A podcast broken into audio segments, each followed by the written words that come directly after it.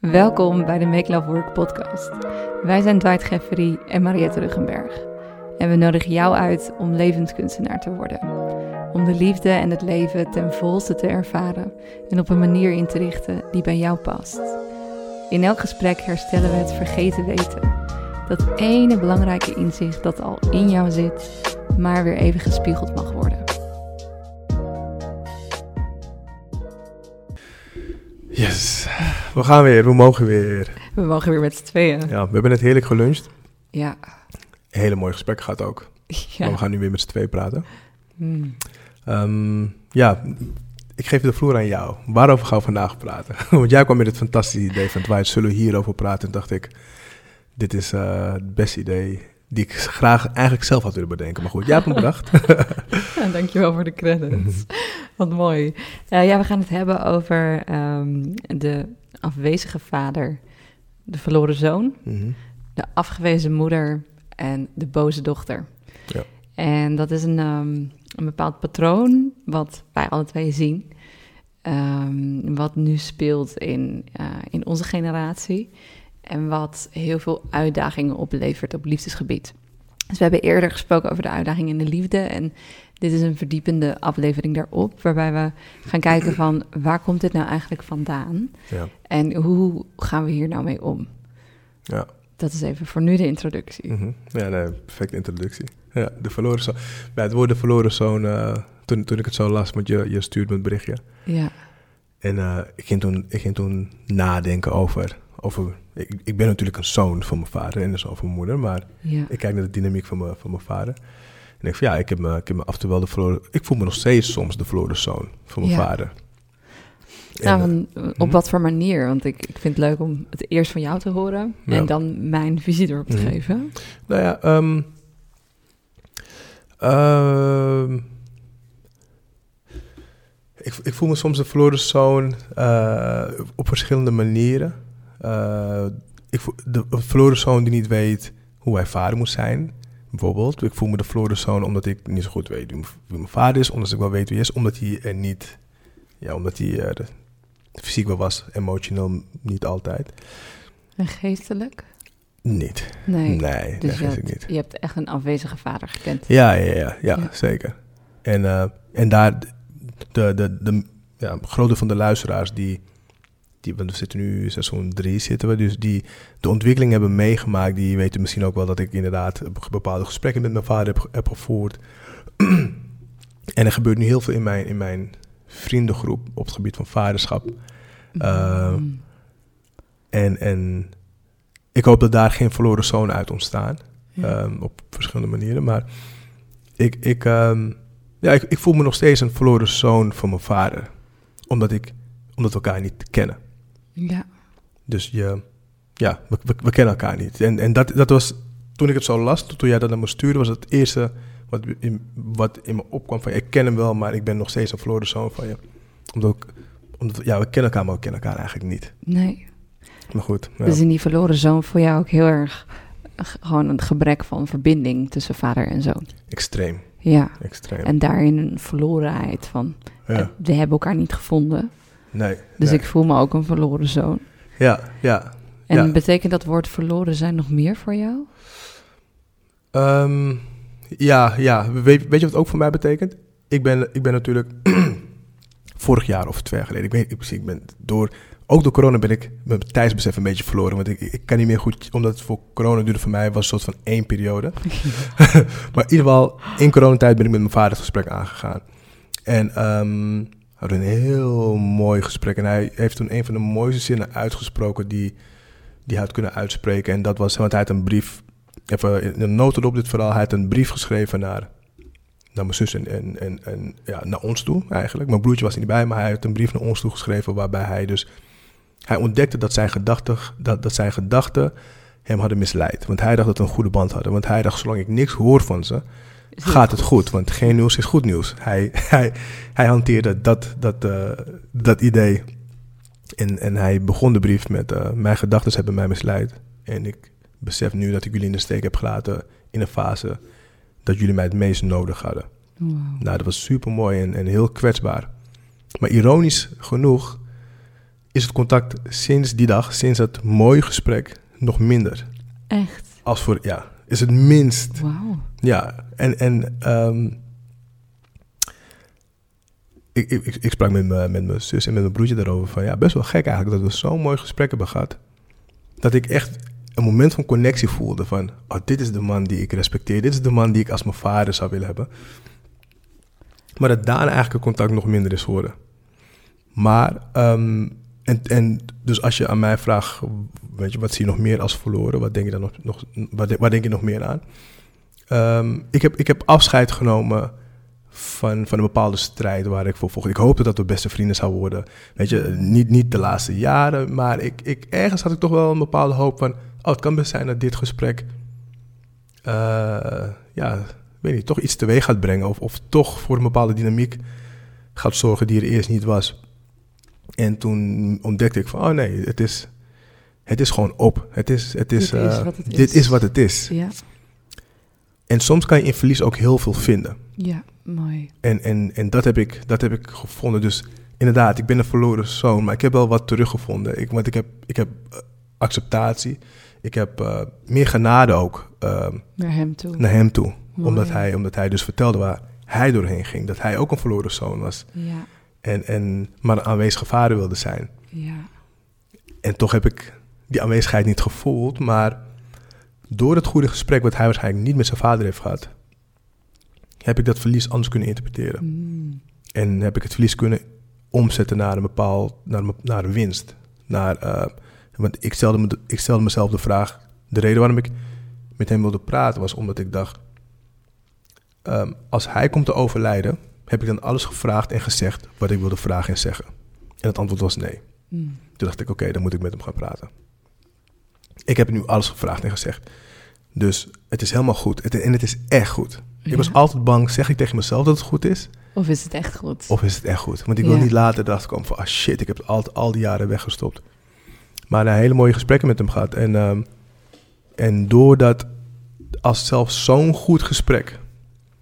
niks verandert in onze dynamiek...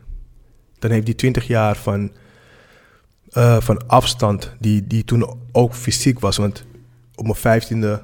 het is nu langer zelf... maar op mijn vijftiende ging mijn vader weg. Dus de, ehm, dat was nog het enige wat er was, dat fysieke... dat hij er was, dat ik hem Ja. kon zien. Ja, Het geestelijke is er nooit echt helemaal geweest. Maar nu was hij dus echt fysiek, geestelijk weg. ja. En ehm, En emotioneel. emotioneel Gewoon al lang volledig. weg. ja. En, eh, en, maar niet met slechte intenties. Echt gewoon, dat, dat was er gewoon niet. Ja.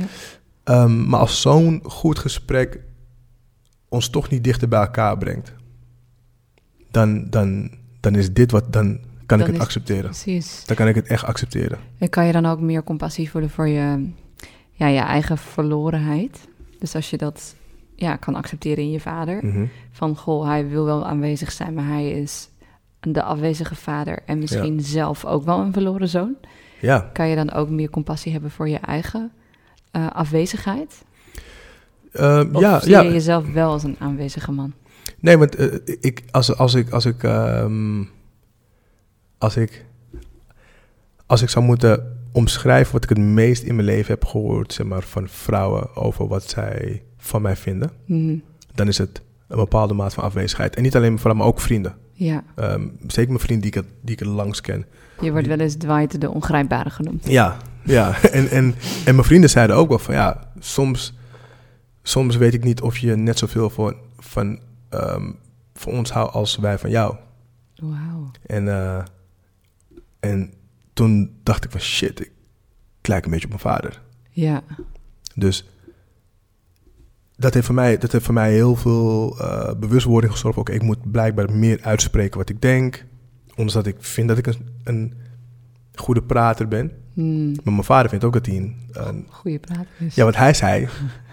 ik heb, mijn doel was om beter te communiceren dan mijn vader. Ah, ja. Dus, en waarschijnlijk doet hij dat ook. Ja, En ik vind dat hij niet goed, goed kan communiceren of gewoon niet communiceert. Maar goed, dus zo, op het moment dat je dat dan hoort, denk je, dan zie je de patronen van, ah, je, je, je, je wordt zeg maar het monster dat je probeert te bestrijden. ja, En het monster is in dit geval dan mijn vader. ja. En ik word zelf dat monster. En dan word ik erop aangewezen, aangekeken. En terwijl ik denk van, ja, maar ik zeg toch altijd wat ik voel en wat ik denk. Ja, En toch krijg je dan te horen... En toch krijg je het te horen. Ik voel- ervaar je als afwezig, ongrijpbaar. Ja. Soms vraag ik me af of wij niet meer van jou houden dan jij van ons. Ja, dus, dus het, het probleem zit hem niet zozeer in, in, in de woorden die ik uitspreek, denk ik. Maar meer, meer in het gevoel wat ik, ehm, over, wat ik geef, wat ik Ja. uitstraal. Dat er een, ja, dat er een, een eh, ja, toch een soort van muur blijkt te zijn die, die ik misschien niet zelf optrek, maar die, Die er is. die er misschien wel is. Ja. Wauw. Ja, Nou, je zegt een aantal hele belangrijke dingen. Want ehm, voordat ik daarop ga reageren, wil ik eerst nog even dat, dat begrip verloren ietsje verder uit, uit, s- uitpluizen. Ehm, de titel verloren, zeg maar afwezige vader, verloren zoon. Dat is de titel van een boek. Ehm, dus er gaat een heel boek over dit, dit thema. Als je dat interessant vindt, kan je het lezen. Ehm, verlorenheid zie ik ook naast het, het, het, de afwezigheid van de band tussen vader en zoon en daarin dus elkaar verloren zijn. Eh, is voor mij verlorenheid ook dat ehm, mannen van onze generatie, dus jij, mannen van ja, onze generatie, Mhm. die hebben niet een voorbeeld gekregen van een aanwezige man. Van Ja. een man met een volwassen masculine energie. En daarin zijn we verloren, zoekend naar hoe kan ik nou aanwezig zijn? Mhm. En jij hebt heel duidelijk de intentie om aanwezig te zijn. Eh, en toch ervaren mensen een muur. En daarin ervaar je dan een soort verlorenheid van, hè? Maar wat zit daar dan? ja. Ik wil aanwezig zijn, maar blijkbaar word ik niet zo ervaren. En daarin is er ook een soort machteloosheid of een zoekendheid of een verlorenheid van, maar hoe dan wel? Mhm. ja. En dat zie ik heel erg gebeuren bij de generatie mannen die er nu is. En straks doen we de vrouwenkant. Ehm, en wat ik heel mooi vind dat je zegt van, nou ja, je, je wordt het mo- monster dat je probeert te bestrijden. Op het moment dat jij in gevecht gaat met, dit, met het feit dat je een verloren zoon bent, dan word je nog meer het monster ja. dat je probeert te bestrijden. Dus dat jij eigenlijk naar je vader kijkt en zegt van... Oh, goh, oké, je bent afwezig geweest en dat ben je nog steeds. Na, ook na een poging van aanwezigheid en verzoening... en een hele mooie brief, een heel mooi contact... ben je toch weer afwezig. Dat je daar dan acceptatie naar hebt... en dat je daarin dus wel weer heel veel vindt. En ehm, als je je vader kan accepteren zoals die is... dan met zijn verlorenheid kan je jezelf ook accepteren zoals je bent met je verlorenheid... ja. en we hebben de aflevering gehad over de cancelcultuur. Ja, dat wat je cancelt, dat wat je wegdrukt, dat, dat komt alleen maar groter omhoog in je eigen schaduw. Dus waar, wat je een ander verwijt, dat word je op een dag zelf. Dat, is, eh, ben je op een dag zelf. dat is zo waar. Ja. Dus we zijn allemaal daders en slachtoffers. En, en misschien niet in dit leven, eh, nou als je gelooft in vorige levens, dan sowieso in vorige levens. Maar ik ga ervan uit dat in gewoon dit ene mensenleven, ik, nou ja, daar waar ik een ander zo op aanwijs en waar ik een ander zo, waar ik zo boos over ben, dat ik dat zelf op een dag doe of zou kunnen doen. Ja, dat, dat heb ik vaak nog aan mezelf bewezen. Dat het, hetgeen waar ik... eh, Mijn vader alleen, als we het hebben over mijn vader... waar ik hem zo heb veroordeeld over Ja. hoe hij met mijn moeder is omgegaan. Op Dat je dat zelf doet. een gegeven moment was ik gewoon die man. Op een Precies, was die ik gewoon man. die gast. Ja, En, en dat heeft geen zin om te cancelen. Dat heeft Nee. geen zin om dat monster te willen bestrijden. Dus Ja, We kunnen veel beter accepteren van hey, eh, dat, dat je als man gewoon aan jezelf vraagt: waar ben ik verloren? mhm. Want je bent het, geheid. ja, We zijn gewoon mensen. En dat vind ik zo mooi van wat Jung zegt: I rather be whole than good. Dat we Mhm. het ook in de cancelcultuur aflevering daarover. Van we zijn niet perfect, we doen het niet steeds goed. Dus ga er maar vanuit dat je afwezig bent en verloren. en probeer dat te omarmen van jezelf, want dat is stap één. Want als je dat monster gaat bestrijden, word je het monster.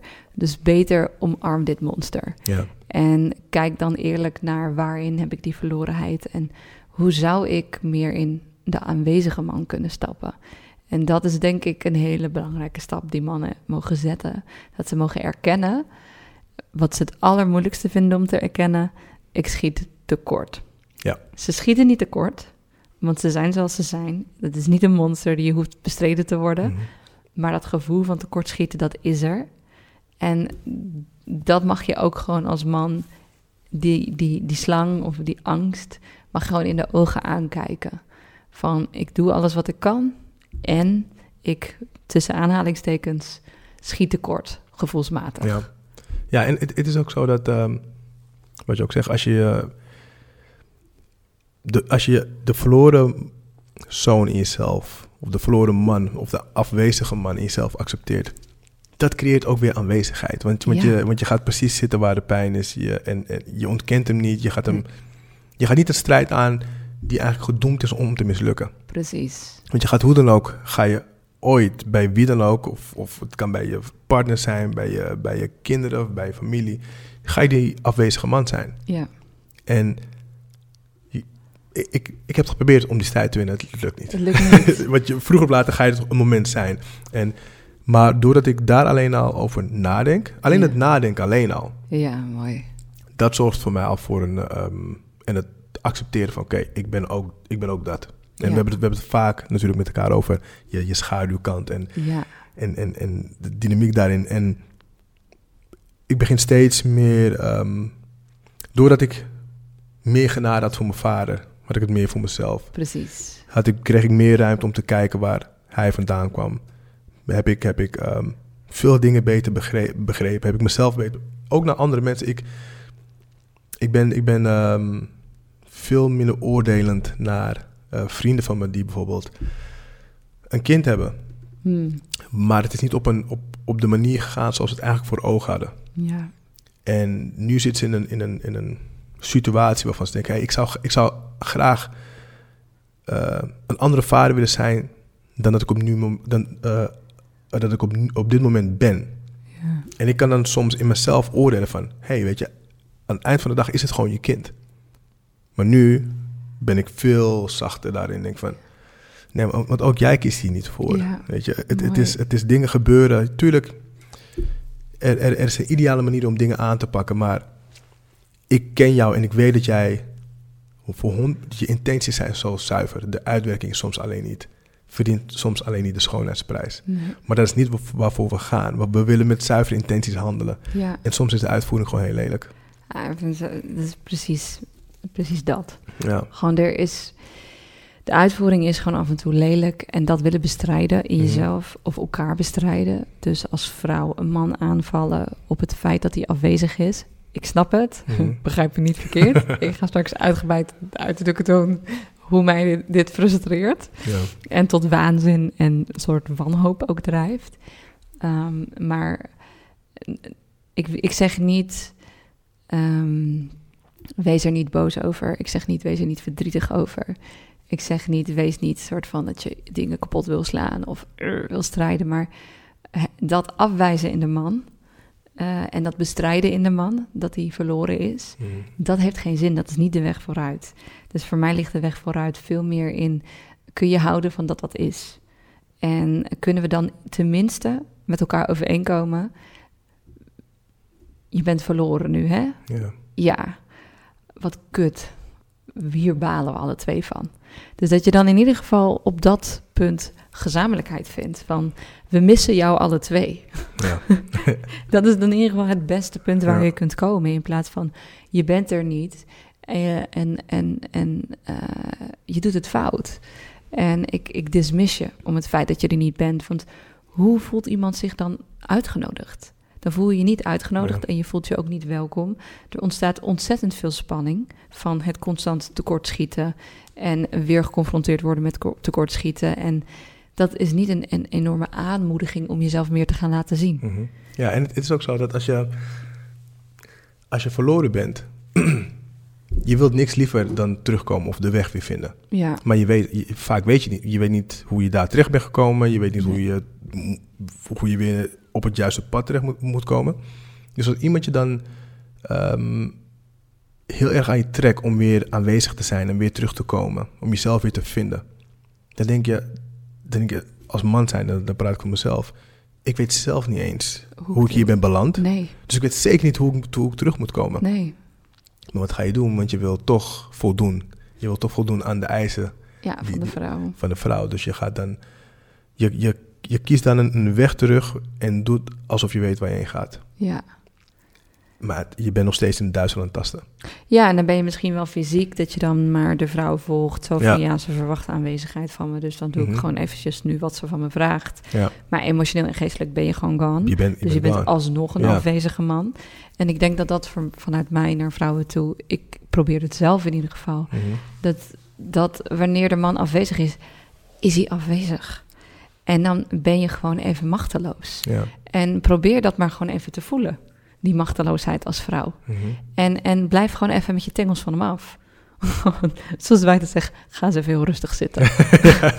zeg dat maar, als een Ja. soort mantra in jezelf. Ja. Ik zeg dat tegen mezelf in ieder geval, ga maar even rustig zitten. Ja. Laat, laat het en voel maar gewoon even je eigen pijn. Wees daar gewoon maar even bij aanwezig. Dus Ja. dat, is, ehm, dat is het stuk van de man. En ik vind het ook wel leuk om dit stukje ja, ik ben heel over de vrouw. ja. Bij een vrouw hebben we een andere en deze titel heb ik zelf bedacht. Misschien wordt dat mijn tweede boek. Na liefde als medicijn, misschien wordt het de titel van mijn boek. Ehm, ja, afgewezen moeder en boze dochter. Mhm. Omdat daarin voor mij iets heel belangrijks gebeurt. Dus nou, wat gebeurt er als er een afwezige vader is? Dan voelt de moeder zich afgewezen. Van hè, ik ben hier, ik zorg voor de kinderen, ik geef alles. Ik heb je kinderen gebaren, ik voed ze. Ehm, maar je lijkt gewoon totaal onverschillig te zijn naar mijn gevoelswereld. Mhm. Je lijkt mij niet te zien.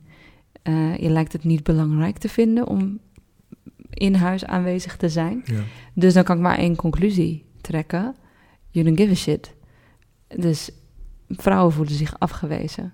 Alleen in de tijd van onze ouders was het in de regel, er zijn natuurlijk altijd uitzonderingen, maar dat waren nog allemaal afhankelijkheidsrelaties. Dus daar hebben we het ook over gehad, over de drie fases. En ik wil ook nog wel erop ingaan, oké, hoe zit dit verloren zoon, ehm, afwezige vader en boze dochter patroon eruit per fase? Want je hebt drie verschillende fases. En onze ouders zaten met name vooral in de regel in die afhankelijkheidsrelatie. Ja. Dus dat betekent dat je als vrouw je afgewezen voelt, maar je hebt de man nodig om ja, te, te overleven. Dus wat doe je met je verdriet? Wat doe je met je woede? Stop je weg. Dat het weg? Ontken je. Gewoon dat bestaat niet, want het, het mag niet bestaan, want anders jaag je je man weg en dat, dat, kan je, dat kan niet. Nou, wat ook heel veel gebeurde in de generatie is dat die afwezige mannen dus ook vaak vreemd gingen of naar een andere vrouw of ze scheiden. Natuurlijk gebeurt dat nog steeds, want de verloren zonen zetten dat patroon Mhm. nog relatief goed door. maar ehm, dat betekent dus ook weer dit gevoel van afwijzing. En weer dat onderdrukte verdriet en weer dat onderdrukte woede. Ja. Dus dan kom je natuurlijk bij de boze dochter uit. En de boze dochter die heeft gewoon een enorm wantrouwen ten aanzien van de man. En zij groeit op in een tijd waarin zij wel financieel afhankelijk mag zijn. En het eerste wat ze denkt is, nou, I don't need a man to make it happen. I get up being free. Dus ik ga niet die pijn ervaren die ik heb gezien bij mijn moeder. Ik ga mijn eigen mannetje staan. Dus wat er gebeurt bij vrouwen, en dat is iets heel moois, maar er zit ook een tragedie in. Dus het is een kracht, maar het is ook een valkuil en een blinde vlek van vrouwen. Mhm. Er zit hier een hele grote blinde vlek. Want wat vrouwen doen is dat ze zo boos zijn en zo wantrouwend ten aanzien van het mannelijke, dat ze zoiets hebben, ik fix het mijn shit zelf, want jij bent er niet. Ik ga mezelf niet nu nog een keer kwetsbaar aan je op, opstellen. Ik ga niet nog een keer een ego doodsterven hier. Ik regel mezelf wel, want jij bent er niet. Dus die woede die ze voelen, die zetten ze om in daadkracht. En dat is dus ergens gezond, want vanuit die daadkracht creëren ze gewoon hun eigen vermogen en groeien ze van die afhankelijkheidsrelatie door naar die 50-50 en worden ze dus onafhankelijk. Maar, en ik vind deze echt belangrijk en ik hoop zo dat je, als je luistert als vrouw, dit herkent en dit ook kan voelen in jezelf. Er is een woede die we niet durven te voelen. En dat maakt ons hard. Dus mooi dat we die woede omzetten in daadkracht en warriors worden en ons mannetje staan. Ik vind dat geweldig. Maar ik voel dat ik als vrouw het mooist ben in mijn zachtheid. Ja. En dat ik heel trots ben op die warrior vrouw die ik ook ben. Maar er is een bepaalde woede die ik gewoon mag voelen. En als ik die voel, word ik zacht. Dus in het begin komt er een soort van tornado, Mhm. een soort van storm, orkaan, alles barst er los. Maar daarna is er zo'n zachtheid, waarbij ik dus kan rusten in wat is. Dus dat maakt dat ik die man kan laten. Als ik mijn woede voel, kan ik de man laten. Dan hoeft hij niet te veranderen, want hij hoeft mijn pijn niet op te lossen. Ja, Ik draag mijn pijn. ja. En heel veel vrouwen denk ik dat ze niet eens weten hoe boos ze zijn. Ik heb, ik heb, wat jij nu zegt, ik heb zoveel reacties van vrouwen gekregen. En we, want we hebben hier namelijk, we hebben dit eerder heel kort aangeraakt in een van onze afleveringen over de, de, de vrouw die heel erg in haar mannelijke energie gaat zitten. Ja, En ehm, een goede vriendin van mij, die, eh, op papier zou je denken, oké, je hebt alles om een goede partner voor je, of een goede vrouw voor je partner te zijn. ja, En toch ging het altijd moeilijk. Terwijl financieel volledig onafhankelijk. Meer dan. Alles geregeld. En het stroomde maar niet. En eh, hele sterke vrouw. ja, En toen ging ik nadenken, oh ja, als we het hebben over het monster worden dat je zelf probeert te creëren. Je wordt eigenlijk die afwezige man precies die word je waar je zo'n hekel aan hebt. Ja, Want je gaat jezelf beschermen, dus je neemt afstand, emotioneel afstand. ook van de man. Je gaat gewoon weg. Exact. Ja, Dus je wordt, de afwezige man. je wordt een afwezige man. Ja, Dus die man Zo, kan niet ja. met je connecten. nee. En jij vraagt steeds maar af, waarom, waarom, waarom lukt het niet? Nee, want jij bent hem zelf geworden. je bent hem zelf. Klopt. En op het moment dat, dat is gebeurd bij, bij, een, eh, bij een goede vriendin van me, op het moment dat ze veel meer in de verzachting ging zitten, veel meer van, oké, weet je, ik ga me gewoon overgeven. Ja, En, en, en er staat daar echt een dosis, een flinke dosis wantrouwen naar mannen toe. Wat Ja. ik heel goed begrijp, want het komt van de eh, afgewezen moeder. ja, precies. En echt, like that, relatie. Het veranderde. Gelijk, Ja, fantastisch. gelijk. En er is niks in haar persoonlijkheid, in hoe zij, in haar essentie, niks veranderd. Ze is nog steeds wie ze is. Ja, Maar gewoon dat aspect, haar energie is haar energie is veranderd. Ja, Ja, en dan, dan gebeurt. En daar wil ik niet zeggen dat. De, kijk, de vrouw die nu luistert van. Oh, nu ga ik zachter worden. Het is, het, is, het is een heel bewust iets waar je naartoe moet. Het is echt een keuze die je moet maken van. Ja, inderdaad. Ja, ik, ik ben wantrouwig en nu moet ik. Het, het lijkt me ook heel eng. Ik sprak ook met haar. Ze zei, ja, ik vind het ook eng, want ik heb al die jaren op mezelf gebouwd.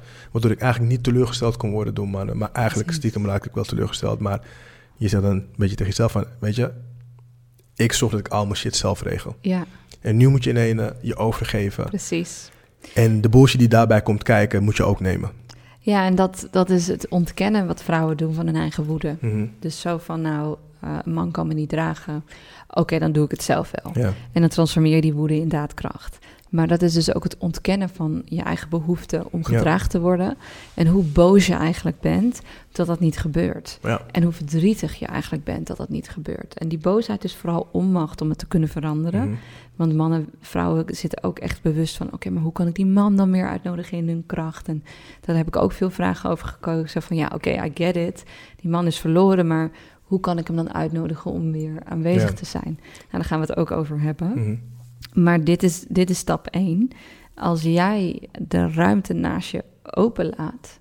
en niet het mannetje gaat zijn... dan kan daar een man staan. ja, Maar als jij er staat, omdat jij zo daadkrachtig bent, dan gaat hij er niet staan. Dus wat je hebt te doen is gewoon je eigen pijn voelen. En even, ehm, er is gewoon een fase waarbij, en dat zal vaker gebeuren, in het begin is die fase groot en dat wordt kleiner. Maar ik denk dat er altijd een dynamiek zou blijven van een afwezige man en een misschien afgewezen vrouw. Dat, dat in, tot bepaalde hoogte, boze vrouw, verloren zoon, zal dit er altijd wel in zitten. Ja. Maar in het begin, als je dit wil transformeren en je wil van een 50-50 relatie groeien naar ja, volwassen liefde, dan ja, wordt dit even heel pijnlijk duidelijk. ja, En dan mag jij dus als vrouw die plek leeghouden en dus de hele tijd voelen, ah, dit doet zo zeer, zeer dat, dat die plek leeg is. Wat doet het zeer dat ik niet word gedragen? Mhm. En blijf daarbij. En niet, oh, dus ik ga dit fixen. Of ik ga dat doen. Nee, voel gewoon de woede. Voel gewoon de onmacht. Voel gewoon het verdriet. Dat is, dat is het eerste stap die jij kan zetten om een man meer uit te nodigen in zijn kracht. ja. Dat klinkt, klinkt een hele gekke stap, maar dat is wel de eerste stap die je kan zetten. Ik merk het trouwens ook ehm, bij ons in, de, in, in onze gemeenschap, in de Surinaamse gemeenschap, zie ik een, een, een veel voorkomend fenomeen. En dat is zijn de, eh, de dochters worden opgevoed door hun moeders. Die, althans niet alleen door, hun- door hun moeders per se, maar de dochters krijgen vaak het volgende mee. En dit is wat ik heel vaak zag bij, me, bij, mijn, uh, de, bij, bij mijn nichten. Ehm, en mijn moeder zei het ook tegen, me, Mhm. tegen mijn zus van... ehm, je hebt geen man nodig, je kan alles zelf. Je, en daar zit iets moois in. Ja, zeker. Maar wat ik merkte is dat gezinnen vrij, vrij makkelijk uit elkaar gingen. Ja. Omdat die vrouwen worden zo... Ik zag vroeger als iets heel krachtigs. Van, Ja. ah, zie je, ze kunnen alles zelf. In hun eentje drie, vier kinderen opvoeden, twee banen hebben Ja, en het zelf doen.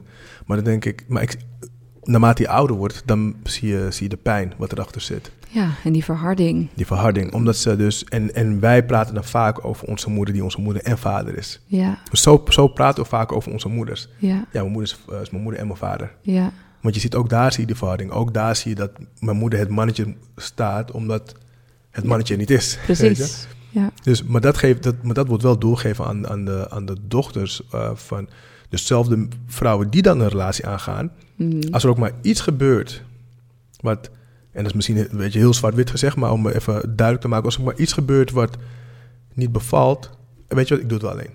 ja, precies. Omdat het, het is bijna van, mijn moeder heeft me hiervoor gewaarschuwd. Ja, En weet je, ik doe het alleen, mijn moeder deed het ook alleen. Ja. En dat geef je dan heel rustig, geef je dat door.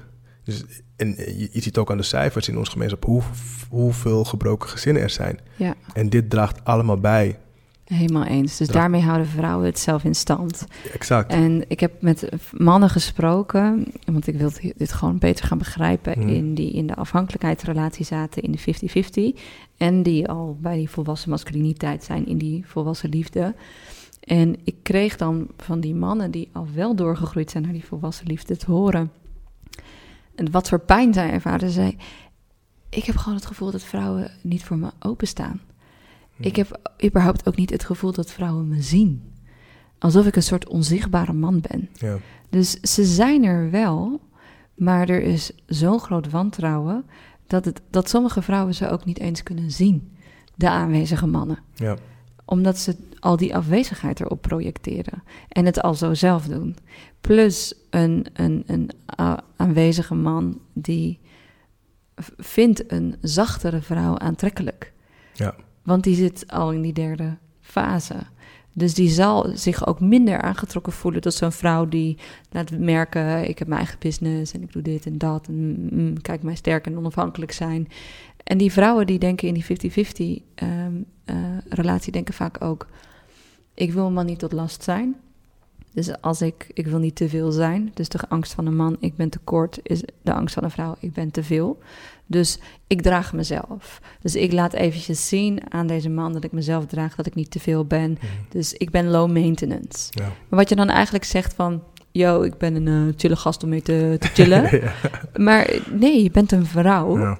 En een vrouw neemt veel ruimte in en een vrouw brengt drama en levendigheid en gelaagdheid. En ja, dat is wel veel, ja.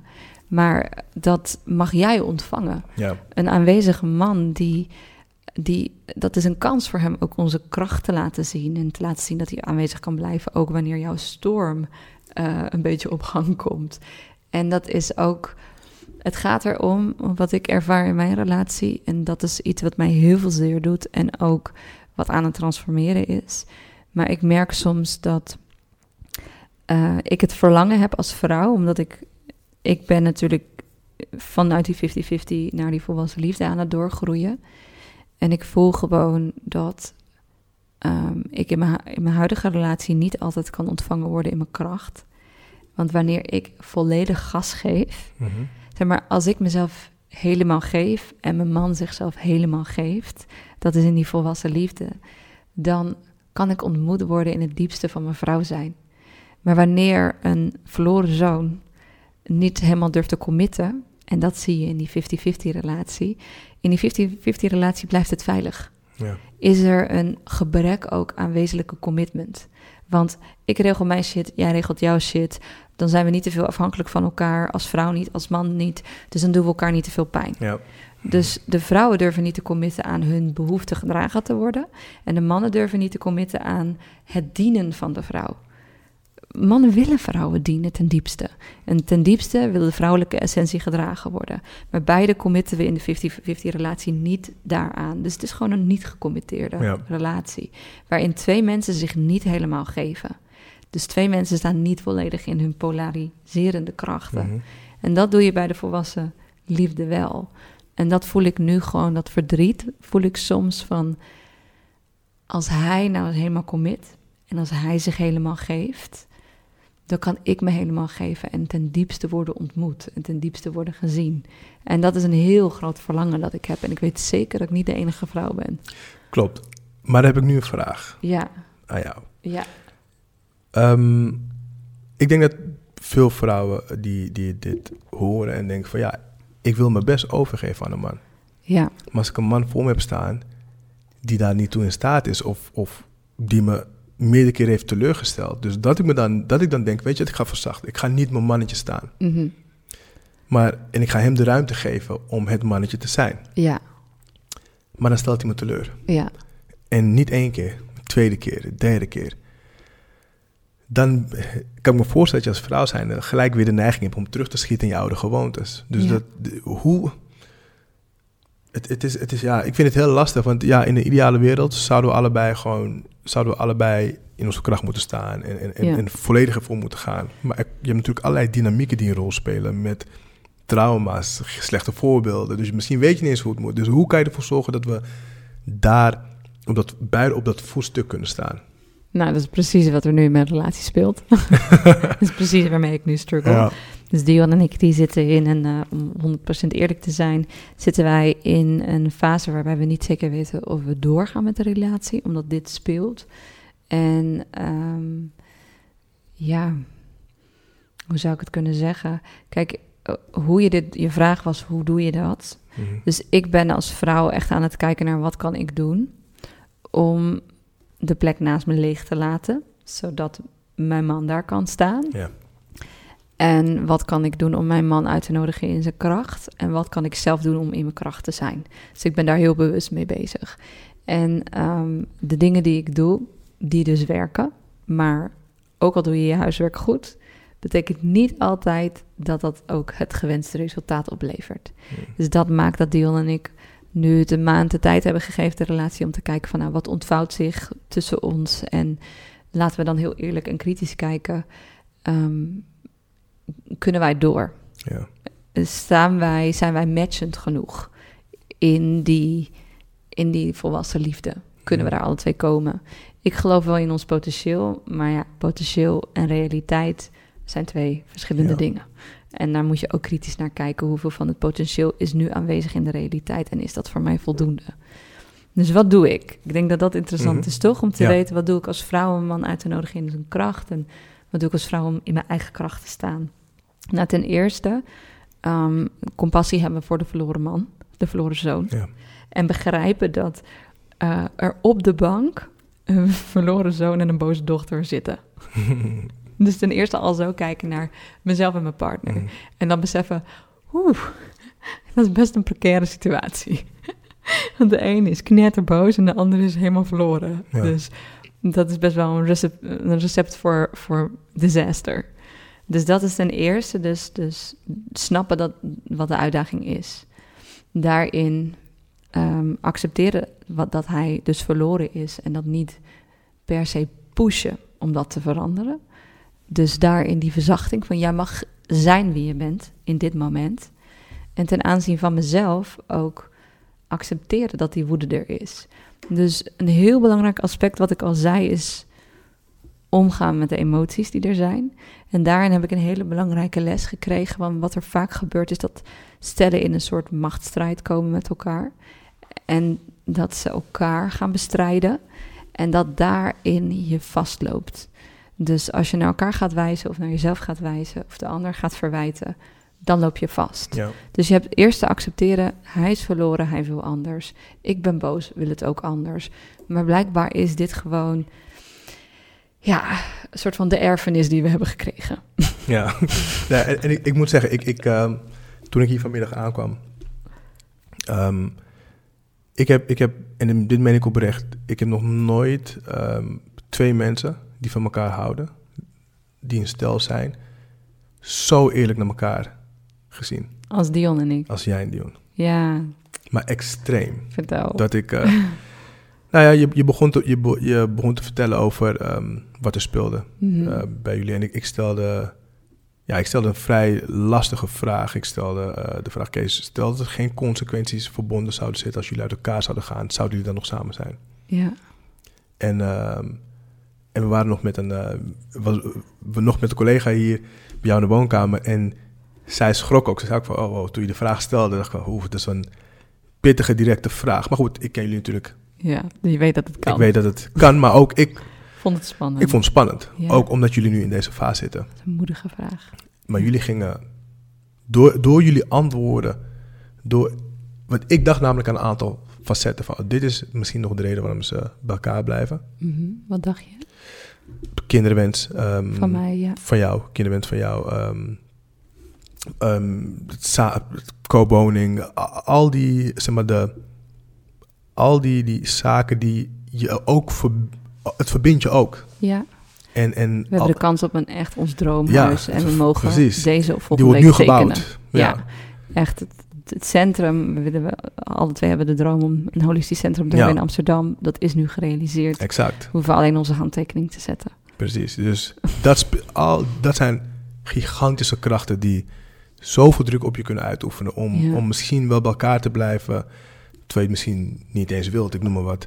Om een business decision te maken. Ja, een business decision. Inderdaad. Dus, dus daarom stelde ik die vraag van... hey, stel dat er geen consequenties zouden zitten, zou je dan nog bij elkaar blijven? En jullie gingen gelijk daar naartoe. Toen dacht ik, wauw. En als jullie zo eerlijk zijn over dat waar ik bij ben... dan wil ik niet eens weten hoe eerlijk jullie zijn geweest toen ik er niet bij was. Want dan zijn jullie nog eerlijker geweest. En, en het, is, het, is, het is heel... Ik, ik, ik ben daar nog niet als man zijn om zo eerlijk naar mezelf te zijn. Of misschien wel eerlijk naar mezelf, maar naar de ander...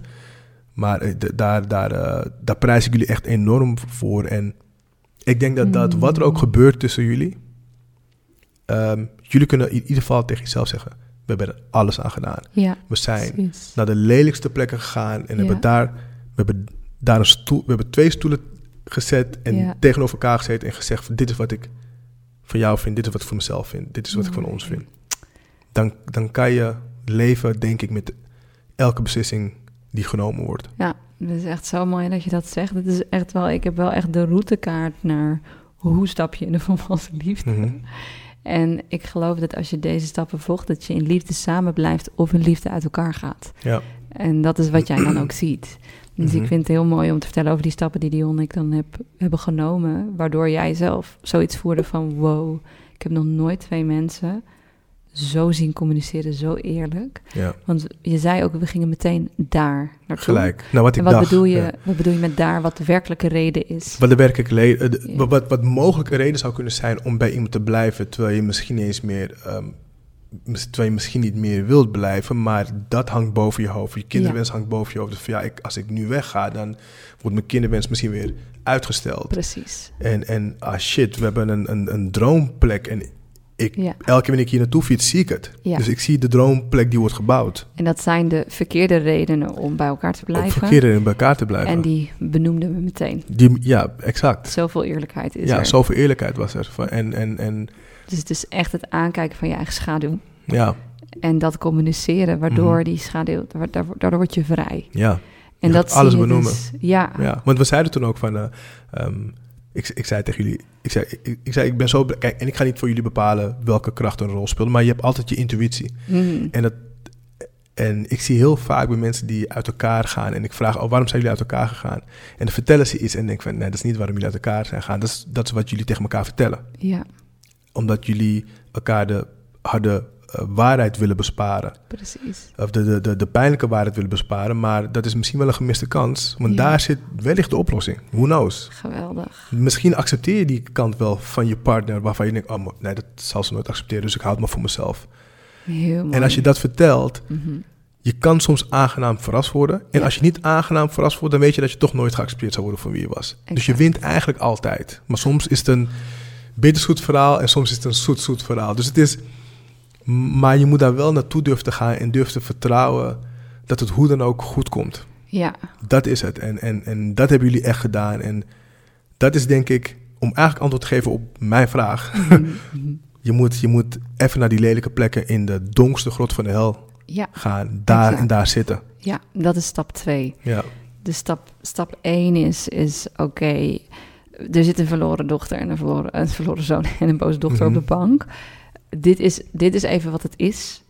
En dat roept heel veel emoties op, maar in plaats van dat je dat wil veranderen of ontkennen of mooier praten, dat je dat accepteert en dat je de emoties die daarbij horen uit. Want dat maakt vrij. Ja. En dat enige wat ik daar nog over wilde zeggen, en dan kom ik bij jou stap 2, die, je, Mhm. die je aanstipt, is dat ik iets heel erg belangrijks heb geleerd over het uiten van emoties. Want normaal als je je emoties uit, uit je die naar de ander. Dus je bent boos op de ander of je bent boos op jezelf.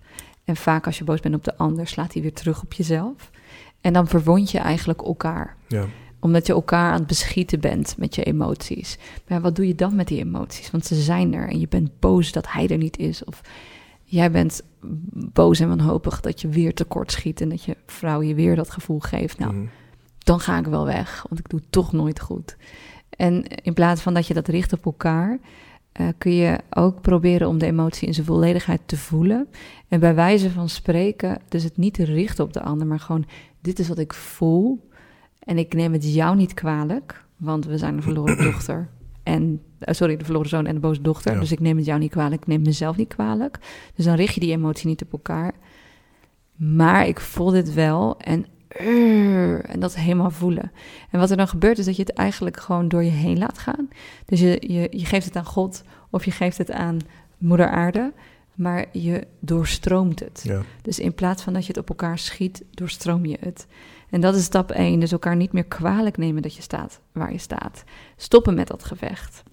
En beginnen met houden van dat dit de situatie is. En met voelen wat die situatie met je doet. En je emotie niet op elkaar afschieten, maar je emotie doorstromen. Nou, dat is echt al gewoon hogere wiskunde hoor Ja, voor de absoluut. meeste mensen. en dan heb je stap nummer twee. En dat is ook meteen hoe je de angst, de diepste angst doorbreekt die mannen en vrouwen hebben. Mannen zijn gewoon constant bang om tekort te schieten. Vrouwen zijn constant bang om te veel te zijn. Daardoor, in die 50-50 relatie, geven we ons niet helemaal aan elkaar. Committen we niet helemaal naar wat we werkelijk voelen en wensen. En we houden onszelf in, uit, uit angst voor die afwijzing. En omdat er niet meer een noodzaak is tot verbinding, want we fixen, we houden onze eigen broek omhoog, ja, vermijden we die pijn. En dat vraagt om die radicale eerlijkheid, wat Dion en ik dus hebben gedaan, om elkaar maar die meest duivelse, naarste hoeken, zoals jij dat noemde, Mhm. te brengen. Om helemaal eerlijk te zijn, radicaal eerlijk te zijn over waar je nu staat, wat je nu voelt in dit moment. En dan heb je als vrouw dus dat vrouwen dan bang zijn, maar als ik dat doe, ben ik te veel. Dat is, dat is te veel. Dat kan iemand niet aan. Ja. Een- De man kan me niet dragen. Als ik dit laat zien van mezelf, dan, dan rent hij weg.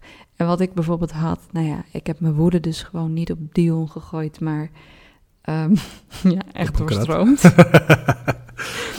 ik heb zeg maar een, een houten krat helemaal aan diggelen geslagen. Ik heb keihard gegild, maar zo hard dat ik ook echt dacht, ik, volgens mij denkt iemand dat ik moet bevallen of zo. Dat is een soort oerkreet die eruit kwam. En ja, ehm, nou, mijn bovenbuurman die heeft gewoon alles kunnen horen. Dus ik voelde mij dus ook te veel. Ik schaamde mij om deze versie van mezelf te zijn. Zo furieus. En soms kunnen we wel dealen met wie we zijn, bijvoorbeeld in het bos. Dat we schreeuwen in het bos, ergens ver weg, waar niemand ons kan horen, zodat het in het geniep we onszelf kunnen uiten. Ja. Maar het gaat erover, kun je in de relatie met de ander jezelf werkelijk laten zien in het vertrouwen dat je niet te veel bent. En eh, als het dan gaat over dat verdriet van mij, als ik vol gas ga, word ik niet ontmoet. Nou, ik ben behoorlijk vol gas gegaan afgelopen week. En, ik, werd- en Dion was zeer aanwezig. Ja. En ik werd heel erg ontmoet. Dus dat was ook bijzonder, dat juist in mijn frustratie over het niet worden ontmoet, ik heel erg werd ontmoet. Wauw. Bizar, toch? Ja, op het, op het moment, op zo'n moment. Ja. Inderdaad, ja. Dus dat is het tweede, die, echt die radicale eerlijkheid. En als man, dus je durven verbinden met dat gevoel van tekort. En als vrouw je, ja, voorbij, eigenlijk mogen we allebei voorbij de angst gaan van tekortschieten en te veel zijn. En heel radicaal eerlijk zijn over waar je nu staat en wat je ervaart. ja. Ja, dus dat is ook wel een pittige. Het is een hele pittige. En dan zit je dus in, ehm, in dat nieuwe hoofdstuk. Want dan ben je dus heel erg committed aan jezelf en wat er is. En dan laat je dus ook heel erg zien van, je brengt jezelf helemaal in. En mannen die denken, als ik mezelf helemaal inbreng, laat ik dat maar niet doen, want ik schiet tekort. Vrouwen denken, als ik mezelf helemaal inbreng, laat ik dat maar niet doen, want ik ben te veel. Ja. En dat doe je dus wel. Dus dat zijn die twee dingen, zijn denk ik de belangrijkste stappen. En uh, het derde wat ik heel erg doe, van hoe kan ik een man uitnodigen in zijn kracht en mezelf, is dat je een beroep doet op de koning en de koningin. En um, de koning en de koningin zitten in het hart. En de koning en de koningin die leiden uit liefde. En um, in plaats van dat je dus gaat strijden voor jezelf of tegen elkaar, zoals in de 50-50. Mm En die strijd maakt je vrij. Dus vergeet me niet, mooie fase, fantastisch. Die strijd maakt je beide vrij. Maar op een gegeven moment is, het, is de tijd van strijden voorbij en gaat het om de tijd van liefhebben. En dan zit je in die derde fase en dan kijk je gewoon van, hé, hey, dit, is de, dit is de persoon waarvan ik hou, toch? Ja. Ik zit naast de persoon op de bank waarvan ik hou. En waar we het eerder over hebben gehad, over de uitdaging in onze, in onze relatie, van dat je partner dan als een zak aardappels op de bank zit. dat is dan toch de zak aardappels waarvan je houdt. Wat heeft deze man nodig op dit moment? Hoe kan jij een beroep doen op je eigen hart, op de koningin die daar zit? En hoe kan je een beroep doen op de koning? Hoe kan je naar je partner kijken naar iemand die het waardig is jouw liefde te ontvangen in iedere situatie. Want jij weet, de koning zit op de bank, hij ziet er nu uit als een zak, als zak aardappels, maar dit is mijn koning. Waar zou ik liever willen zijn dan bij mijn koning? Ja. En dat je elkaar op die manier gaat benaderen. En dat opent het hart. En dat, dan ga je lief hebben in plaats van vechten met elkaar. Dus dat is de derde stap die voor mij heel erg belangrijk is. En daarin gewoon elkaar geven aan elkaar. Ik denk dat die, die laatste stap elkaar uh, weer zien als koning en koningin is dat je, je gaat, uh, wat, wat, wat soms dreigt gebeuren in een relatie die, die door een moeilijke fase heen gaat, is dat je elkaar mm. op een hele. Je vergeet even hoe je elkaar ook alweer zag. Ja. En je gaat ook daarna handelen. Precies. En elkaar weer zien als koning en koningin is zo'n belangrijk element. Want je gaat je zoomt even helemaal uit, laat de bullshit, schuif je opzij. En ik oké, maar wat vond ik ook alweer van je? Wat was ook alweer de reden waarom ik verliefd op je ben geworden? Wat is ook wel de reden waarom ik jou zo prachtig vind? En dan ga je elkaar weer zien in de, in de, in de volle essentie van, van wie de ander is. In plaats van je vergeet. Want dat, is het, dat zeiden we vandaag ook hier. Als je te veel drama hebt in een relatie, om het even zo te zeggen dan kan het beeld van de andere kan veranderen. het beeld dat je van de andere hebt, kan, kan, veranderen. En dan zie je niet meer de koningin of de koning die voor je staat. Nee. En je gaat, je, daarna, je gaat daarnaar handelen. Ja. En dan wordt er een soort van virus in je relatie geplaatst. En dan wens ik heel veel succes. Maar dan wordt het heel lastig. ja, dan wordt het heel lastig. En ik heb dat meegemaakt. Ik heb dat meegemaakt toen ik zelf van mijn eerste grote mensenrelatie had. Dat je alleen maar uh, aan het vechten bent. En alleen maar van, ja, maar jij bent jaloers. Ja, maar jij doet dit. En het moment dat iets gebeurt, zit je gelijk weer daar. En ik kon op een gegeven moment ik kon haar niet meer zien voor wie ze was. Lukte me gewoon niet meer. En op een gegeven moment is er zoveel gebeurd. En ik heb haar helemaal aangekleed tot een andere vrouw dan dat ze daadwerkelijk was. Ja, en dan is het kapot. Ja. En het heeft, op een gegeven moment zijn we vriend geraakt. En toen hebben we ook daarover gesproken van ja, we hebben elkaar, we hebben elkaar helemaal aangekleed tot mensen die we helemaal niet zijn. Nee. En we hebben ook de ander niet meer de ruimte gegeven om te laten zien wie diegene echt was. Want als ik dan weer volg om te zeggen van nee, maar dit is, dit is Dwight. Van nee, ik heb al besloten dat jij, dat jij dit bent. Ja. En dan is het, uh, ja, dan, is het, dan, dan ben je het kwijt. Ja, dan heb je twee eenzame mensen ja. die zich beide niet gezien en gevoeld voelen. En ja, die alle twee op hun eigen eiland aan het vechten zijn. Mhm. En dat kan de 50-50 relatie worden. En vind je het gek dat de seks dan ook verdwijnt? en de polariteit. Ja, Iets alles een uitdaging. Ja. in mijn boek uh, Liefde als medicijn zeg ik ook van... nou, hoe je dan voorbij die machtsstrijd groeit... en hoe je... Ehm, de, de grap is dat datgene wat je dus zo irritant vindt aan je partner... dus als je denkt, nou, maar ik kan gewoon eigenlijk echt even niks anders zien dan die kut aardappelzak op de bank. Weet je. Ik kan gewoon even niks anders zien. Ik zie die koning niet. Ja, leuk dat jullie dit zeggen, maar ik zie de koning niet. Dan kijk dan naar datgene, want je ziet wel hetgeen wat, wat je irriteert.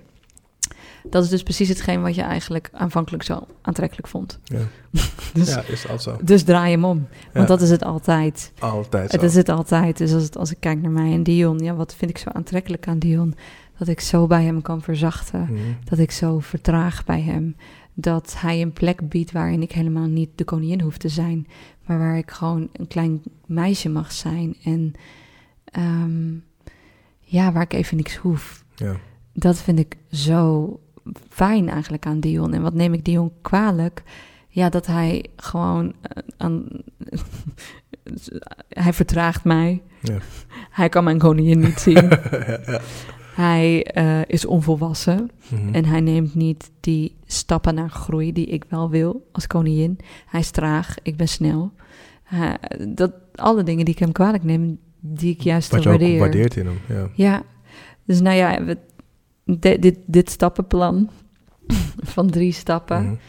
Ehm, het is sowieso de moeite waard om dit te doen, want het brengt mij en Dion heel erg in een ehm, staat van kracht en in een staat van liefde. En ik denk dat je dat vandaag hebt kunnen zien. Mhm. Zeker. Dus Dion en ik zitten in de maand van we weten niet of we met elkaar doorgaan of niet, want we moeten heel eerlijk gaan kijken naar kunnen wij dat nieuwe hoofdstuk instappen en ehm, of, het, of we dat nou doen of niet. We zullen in liefde uit elkaar gaan of in liefde door. Ja. Dus daarom is het sowieso de moeite om deze stappen te volgen. En voor mij en Dion is het gewoon de vraag. ehm, voor mij, ehm, ik kan heel snel gaan. Iemand zei wel eens, hij heeft tegen me gezegd: Je hebt een Ferrari gekregen. en daarmee kan je echt heel hard scheuren. Ja. En je bent de koningin. En ehm, ik kan heel snel gaan. En ik kan heel snel groeien. En ja, als vrouw vind ik dat ik mezelf best wel ver heb ontwikkeld ook. Mhm. Dus ik heb ook heel erg de behoefte nu om gedragen te worden. En om die man in zijn volwassenheid te ontmoeten. En om, ja, die aanwezige man in mijn leven uit te nodigen. Ja. Ik voel dat ik daar echt ben. Ehm, maar waar bij mij de uitdaging ligt dat ik heel snel kan gaan, wil ik ook gewoon vol gas kunnen gaan met een man. Dion, die kan ook wel gassen en die kan met mij mee bewegen, maar hij brengt ook vertraging in. Ja. Vertraging die dus voor mij een super cadeau is. Tot op een bepaalde hoogte. En mijn versnelling is voor hem een super cadeau. Want ik breng hem expansie en groei. Maar we zullen heel mo- eerlijk mogen kijken naar... Is wat mijn... Hou ik mezelf niet te veel in? Eh, en ga ik nog wel het tempo wat past bij mijn Ferrari? Die dan wel af en toe uiteraard een pitstop maakt. En ik ga ook... Ik, op een gegeven moment ben ik klaar met dat circuit en wil ik ook gewoon chillen. Mhm. Ik ben niet alleen maar met dat circuit bezig. Eh, maar ik moet wel eerlijk zijn, vertraag ik mezelf niet te veel, hou ik mezelf niet te veel in. En hij heeft hij niet te veel spanning en vraagt hij niet te veel van zichzelf. Ja. En daarin is het gewoon heel eerlijk kijken naar mezelf van oké, maar ga ik ook niet te hard voor mezelf? ja. Is het tempo dat ik ga wel een gezond tempo of word ik te veel gejaagd door mijn eigen verlangens of woede of wat dan ook? Want ik moet ook kijken, ga ik zo hard omdat ik mijn woede van die afwezige man transformeer in daadkracht? Dus ik mag heel eerlijk zijn naar wat is voor mij het juiste tempo. En hij mag heel eerlijk zijn wat is voor mij het juiste tempo. En ik denk dat lichamen daarin ook heel veel vertellen van voel je je zacht? Heb je als vrouw een zachte uitstraling? Is je, staan je ogen zacht? Als man voelt je lijf krachtig, maar ook ontspannen. En daarin moeten Dion en ik gewoon heel eerlijk zijn. Wat is ons natuurlijke tempo en loopt dat gelijk genoeg op? En dat antwoord kan ik gewoon nog niet geven. Nee, snap ik. En ik, dat zag ik ook. Ik, dat zei ik ook vandaag. Ja, jullie hebben allebei gelijk en ongelijk. Ja, En dat maakt het zo complex. ja, Dus het is... ehm, ja, daar gaan jullie de komende periode achter komen. precies. En dat, zou denk ik, dat is denk ik voor iedereen gewoon mooi. Want het kan zijn dat je niet gelijk oploopt. Nee. Dat kan. Maar Ja. als je echt al deze stappen hebt gedaan... Mhm. en je komt erachter dat je niet gelijk oploopt... Mhm. dan heb jij als vrouw misschien iemand nodig waarmee je harder kan gassen of trager kan gaan. Ja. En heb je als man iemand nodig waarmee je harder kan gassen of trager kan Ja. gaan. En dan is dat wat je uitnodigt in energie. Mhm. En dan mag je erop vertrouwen dat je die volwassen vrouw en die volwassen man gewoon ontmoet. ja. Tenminste, zo sta ik erin voor mezelf. Ik denk dat, ik denk dat het hem is. ik denk dat dat hem is, ja. Nee, ik, ik, ehm, ik, ben, ik ben heel nieuwsgierig en heel benieuwd hoe het, hoe het zal ontwikkelen naar jullie toe. Maar ik, ik ehm, één ding, en ik heb op de eerste rij gezeten vandaag.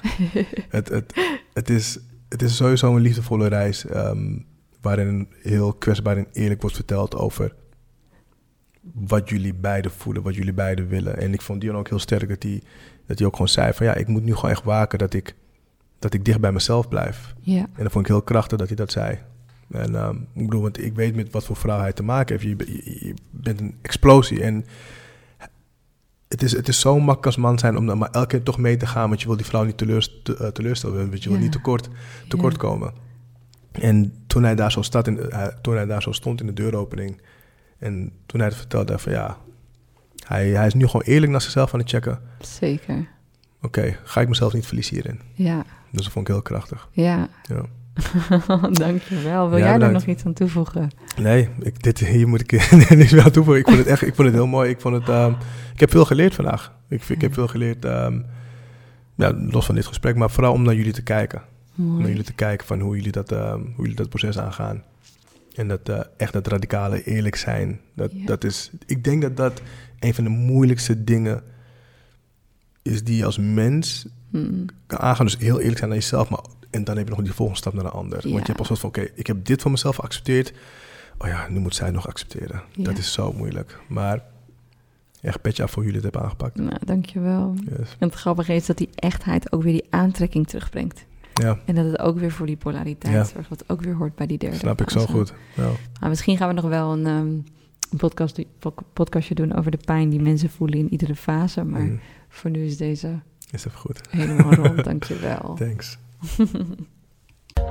Stel dat je dit een mooi gesprek vindt. Eh, heel fijn als je de podcast-episode deelt en abonneert op ons kanaal. Dat helpt ons met onze zichtbaarheid, maar ook met onze missie. Want hoe meer mensen delen, hoe meer liefde we met elkaar verspreiden.